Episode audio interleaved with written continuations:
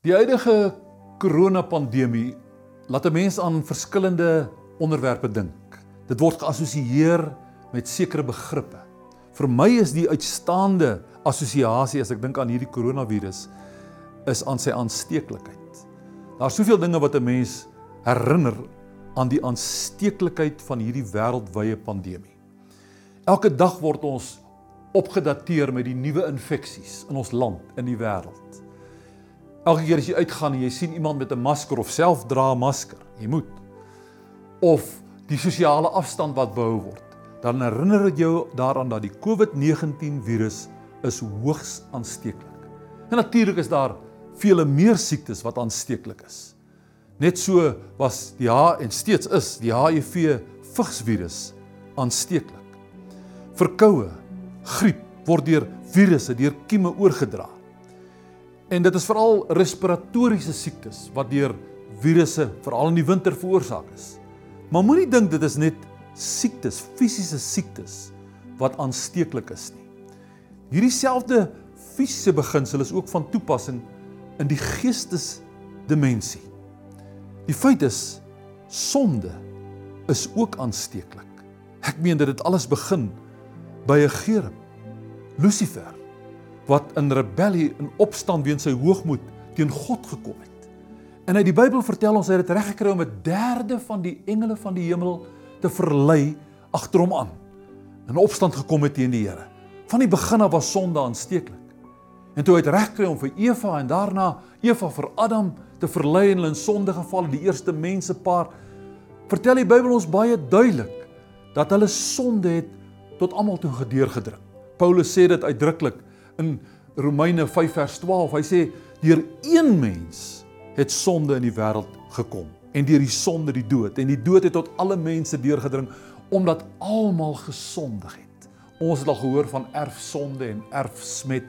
En dit beteken nou nie dat 'n onskuldige babatjie kan sondig nie, maar in 'n sekere sin is die geneigtheid tot sonde in elke mens alreeds by geboorte. Jy leer nie eers sondig as jy 5 of 6 of 7 jaar oud word nie. Dis net daar. Jy kan jou kind so mooi grootmaak as jy wil. Erns kom daar daai tekens van selfsug, van opstandigheid, rebellie. Kom net spontaan na vore. Dis amper soos 'n ma wat HIV onderleed het en haar babatjie, haar ongebore kind alreeds aansteek en hy word gebore met daardie virus. So in 'n sekere sin is sonde ook amper geneties oordraagbaar want niemand het dit vrygespring nie. Die Bybel sê ons het almal gesondig, dit ontbreek ons aan die heerlikheid van God. Maar genadiglik is daar ook geestelike positiewe kant. Dis nie net sonde wat aansteek nie. Geloof is ook aansteeklik. Daarvan lees ons uitdruklik in die Bybel. Onder andere skryf Paulus byvoorbeeld aan sy geestelike seun Timoteus, daar in 2 Timoteus 1 vers 5 en hy sê vir hom Ek herinner my aan jou ongefeinste geloof. Ek het dit ook by jou grootmoeder Louise gesien en by jou moeder Eunice en ek sien dit by jou. Anderswoorde hy het hierdie familie geken. En alhoewel geloof nie geneties oorgedra word nie, het daar iets in daardie familie uh, gebeur en was daar 'n sekere uh stabiliteit en en 'n toegewydheid aan God sodat die grootmoeder se geloof is deur sy moeder se geloof nagevolg en is deur Timoteus nagevolg. En dit is so waar. 'n Mens se geestelike rol wat jy speel, jou geestelike invloed bly nie by jou nie. Dit steek ander mense aan. Maar daar's natuurlik 'n ander aansteeklikheid en dit is die aansteeklikheid van 'n mens se gesindheid. Dis hoogs aansteeklik. Ek dink byvoorbeeld aan die voorbeeld van uh die 12 verspieders wat deur Moses uitgestuur is om die beloofde land te gaan verspied en en twee van hulle, Joshua en Caleb kom terug met 'n positiewe boodskap. Ja, daar is groot mense in die land reuse, maar daar is wonderlike uh, vrugte. Die land loop oor van melk en honing en ons kan dit sekerlik in besit neem. En dan kom die ander 10 met 'n negatiewe berig. Daar in Numeri 13 vers 32 sê die Bybel hulle het slegte gerugte onder die volk versprei. En gaan kyk maar gerus in Numeri 14 dat daardie gerugte die hele volk beïnvloed tot so 'n mate dat hulle in opstand gekom het teen Moses hulle wou hom stenig. Hulle het in opstand gekom teen God. En God was vertoorn en en en, en, en daai hele geslag laat uitsterf en dit het die volk 40 jaar gevat voor hulle in die beloofde land gekom het. eintlik as ek na daardie storie luister, dan klink dit vir my of 'n negatiewe gesindheid nog meer aansteeklik is as 'n positiewe gesindheid. Ons moet bedag wees daarop. Gesindhede steek aan. Jy kry dit duidelik by Dawid. In Dawid se lewe lees jy daarvan dat hy een van die groot helde van Israel was. Hy het 'n reus verslaan, hy het 'n leeu en 'n beer verslaan. Dan kom jy in 1 Kronieke hoofstuk 10 daarvan af vers 11 en dan sê die Bybel vir ons die opskrif is die helde van Dawid. En hy vertel vir ons van sy drie groot helde en dan nog van 30 ander helde en sommige van daardie helde het dieselfde gedoen as wat as wat Dawid gedoen het. Hulle het ook reuse verslaan want hulle het sy voorbeeld nagevolg. En daarom is dit nie ironies dat ons lees van Saul dat die Bybel nie eenmal noem dat Saul helde gehad het nie. Geen helde vir Saul nie, want hy was self geen held nie.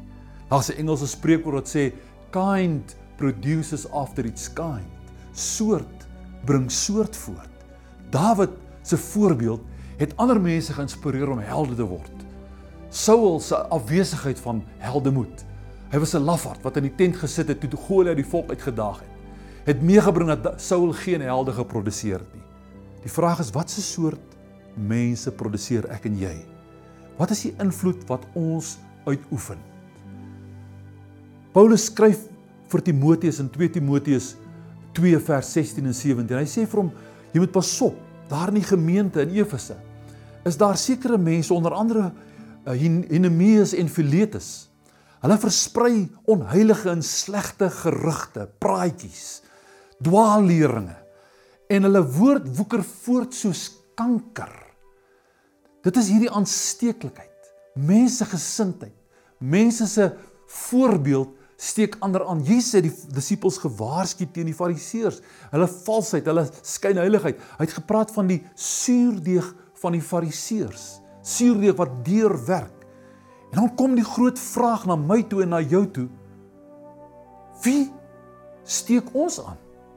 Waar deur en deur wie laat ons ons aansteek? Jy weet 'n mens kan deesdae op die sosiale media en natuurlik in die algemene media is daar soveel dinge wat wat negatief is, baie keer vals, baie keer halwe waarhede, skewe waarhede.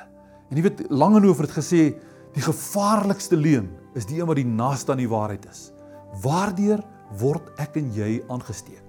Deur wie? Wie's die groot beïnvloeders in jou lewe? Daar's 'n ander kant aan hierdie vraag. Wie steek jy aan? Wie's onder jou invloed? En waarmee steek jy mense aan? Ouers steek hulle kinders aan. Kinders word soos hulle ouers in baie gevalle. En in die afwesigheid van 'n ouerfiguur gaan daar portuïergroepe, bendes wees wat jou kind gaan aansteek. Wie's die groot aanstekers in jou kinders se lewe. 'n Onderwyser beïnvloed sy leerlinge of haar leerlinge, steek hulle aan. Enige leier beïnvloed die mense wat hom volg. Waarmee steek ons mense aan? Watter gesindheid versprei ons in die wêreld? Ek sou so graag wou sien en dis die gebed vir myself wat Paulus in 1 Korintiërs hoofstuk 11 vers 1 gesê het. Word of wees my navolgers soos ek dit ook van Christus is. Jesus Christus, sy hart, sy gees, sy karakter, sy gesindheid, sy liefde, sy krag is die wonderlikste waarmee jy mense moet aansteek en daarvoor moet jy nie 'n masker dra nie. Ons moet aansteeklik word met die gesindheid van Jesus. Die evangelie moet aansteeklik deur ons werk vir al 'n tyd soos hierdie. Moet ons aansteeklik wees met die regte gesindheid met geloof met die evangelie van Jesus Christus. Miskien het jy behoefte om in hierdie oomblik saam met my tot die Here te bid.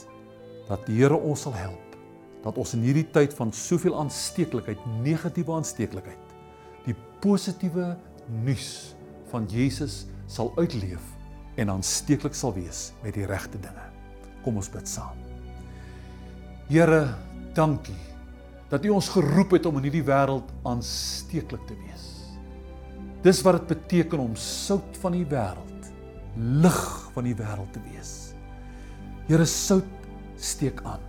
Lig dryf die duister weg. En ek wil bid Here, help ons dat ons met die regte gesindheid, met die regte benadering, dat die regte geloof aansteeklik sal wees in 'n baie siek wêreld, 'n wêreld wat fisies, emosioneel, geestelik siek is. Dat ons as gelowiges ons invloed sal laat geld, die invloed van die koninkryk van God. En ek wil bid Here in en deur my en ons lewe, laat u koninkryk kom. In Jesus naam. Amen.